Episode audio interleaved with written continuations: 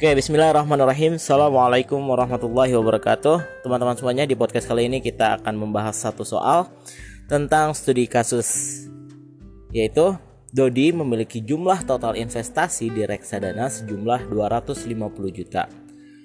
Bagaimanakah perhitungan zakat investasi tersebut?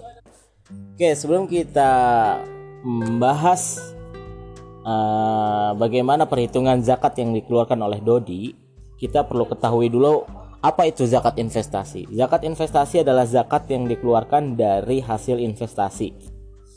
Dalam bahasa Arab, zakat ini juga disebut dengan zakat al-mushtagilat. Dan zakat ini bisa diambil dari investasi bangunan, saham, reksadana atau kita punya rental mobil usaha atau punya kontrakan.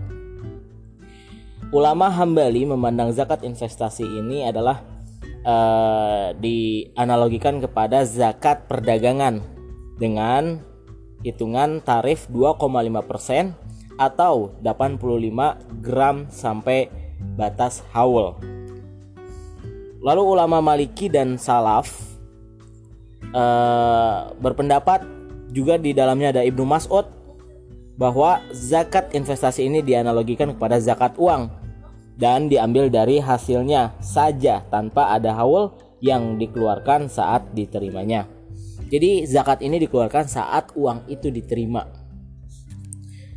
Lalu ulama kontemporer juga berpendapat menganalogikan zakat investasi ini kepada zakat pertanian. Di dalamnya ada Abu Zahroh, ada Abdul Wahab Khalaf, ada Yusuf Kordowi. Zakat pertanian ini dikeluarkan saat menghasilkan karena adanya kemiripan antara hasil dari hasil investasi. Maka nisab nisab yang dikeluarkan adalah 5 ausuk atau 653 kg beras analoginya.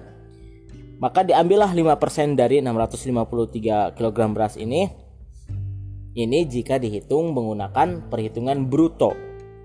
Lalu bagaimana kalau dihitung dengan neto yaitu sebesar 5 10% dari 653 kg tersebut. Jadi seperti itu. Lalu bagaimana jika kita mendapatkan soal seperti tadi?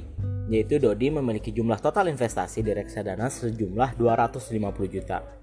Maka dengan gampang kita bisa mengambil perhitungan 250 juta ini kita kalikan dengan cara yang bruto atau kita kalikan dengan cara yang leto. Maka jika kita mengambil dari penghasilan bruto atau kotor, maka perhitungannya adalah 250 juta dikali 5% yang menghasilkan 12 juta 500. Lalu bagaimana jika diambil dari neto? Maka dikalikan 10% yaitu 25 juta. Maka antara dua ini Dodi harus mengeluarkan. Apabila Dodi menggunakan cara peng, eh, dan mendapatkan hasil bruto maka dihitunglah 5% dan jika diambil dari hasil neto yaitu 10% itu saja yang bisa disampaikan. Terima kasih. Assalamualaikum warahmatullahi wabarakatuh